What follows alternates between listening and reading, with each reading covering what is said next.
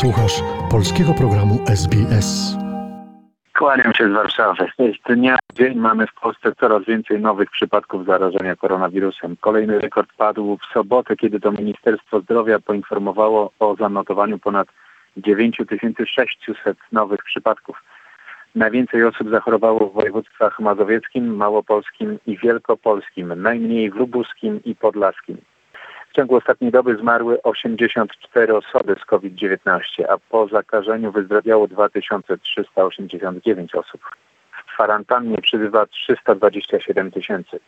Według danych resortu zdrowia w szpitalach zajęte są 604 respiratory i 7612 łóżek dla pacjentów z COVID-19, czyli odpowiednio blisko 60% respiratorów i ponad połowa łóżek, które rząd deklaruje jako dostępne dla chorych z koronawirusem. Od początku tygodnia cała Polska została objęta tak zwaną żółtą strefą, a od wczoraj większość dużych miast znajduje się w czerwonej strefie. Oznacza to nowe obostrzenia sanitarne. W czerwonej strefie wszyscy obowiązkowo muszą nosić maseczki we wszystkich miejscach publicznych, także na ulicy. Szkołach średnich i na uniwersytetach wprowadzono obowiązkowe nauczanie zdalne, choć co ciekawe w szkołach podstawowych dzieci nadal mogą uczyć się stacjonarnie. Zabronione są także imprezy sportowe z udziałem publiczności, zamknięto baseny, siłownie i znacząco ograniczono liczbę widzów w kinach i teatrach. Do kościołów mogą wchodzić po cztery osoby na metr kwadratowy, a w sklepach po pięć osób na każdą kasę.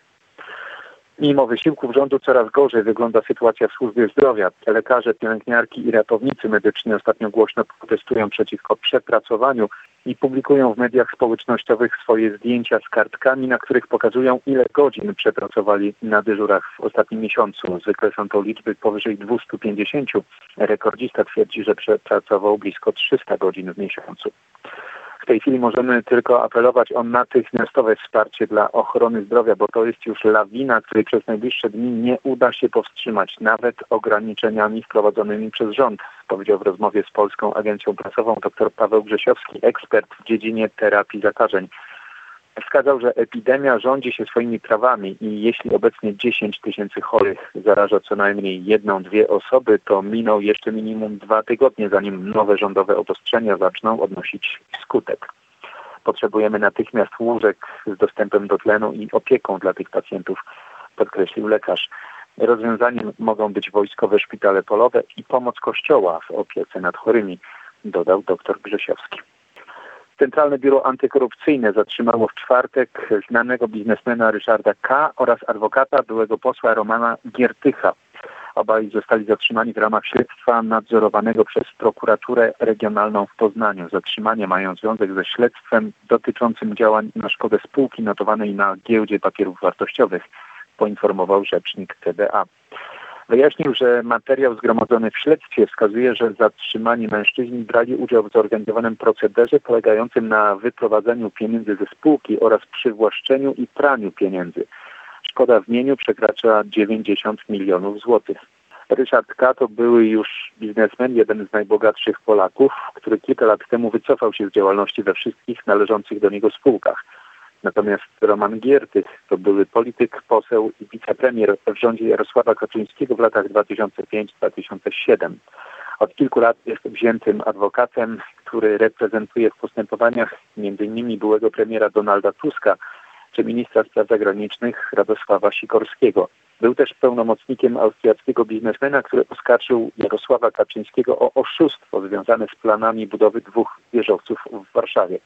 Ostatnio Roman Giertych reprezentuje innego znanego biznesmena, Leszka Czarneckiego, właściciela m.in. dwóch banków, który w zeszłym roku ujawnił propozycję korupcyjną, którą złożył mu nominowany przez Prawo i Sprawiedliwość przewodniczący Komisji Nadzoru Finansowego. Obecnie Czarnecki oskarżany jest przez prokuraturę o doprowadzenie do upadłości firmy windykacyjnej Getback. W piątek w sądzie miało się odbyć posiedzenie, na którym miała zapaść decyzja dotycząca aresztowania Czarneckiego, a na którym to posiedzeniu Roman Giertych miał podobno przedstawić dokumenty kompromitujące najważniejsze osoby w państwie. Dlatego jego zatrzymanie na dzień przed tą rozprawą wielu komentatorów określa jako ruch wyprzedzający, którym miał uniemożliwić adwokatowi udział w tej rozprawie. Po zatrzymaniu przez TBA Giertych stracił przytomność w trakcie przeszukania jego domu i trafił do szpitala. Zdaniem rodziny jego zdrowie i życie było zagrożone piątek prokurator odczytał mu zarzuty, ale rodzina i inny adwokat obecni w szpitalu twierdzą, że Giertych nie był w stanie się z nimi zapoznać, bo jest nieprzytomny. Tymczasem papież Franciszek przyjął rezygnację biskupa kaliskiego Edwarda Janiaka, poinformowała w sobotę nuncjatura apostolska w Polsce. Chodzi o głośną sprawę ukrywania przestępstw księdza pedofila, do których dochodziło na terenie diecezji kaliskiej w czasie, gdy Edward Janiak był tam biskupem. Sprawę ujawnili bracia Tomasz i Marek Sekielscy w swoim filmie Tylko nie mów nikomu. Biskup Janiak znał wszystkie szczegóły sprawy, ale nie zrobił nic, by księdza pedofila ukarać lub odsunąć od pracy z dziećmi. W lutym papież Franciszek zawiesił go w sprawowaniu funkcji biskupa i powierzył administrowanie diecezją biskupowi Grzegorzowi Rysiowi z Łodzi. O czym z Warszawy dla Radia SBS Przemysław Przybylski. Polub nas na Facebooku, udostępnij innym, skomentuj, bądź z nami na polskim Facebooku SBS.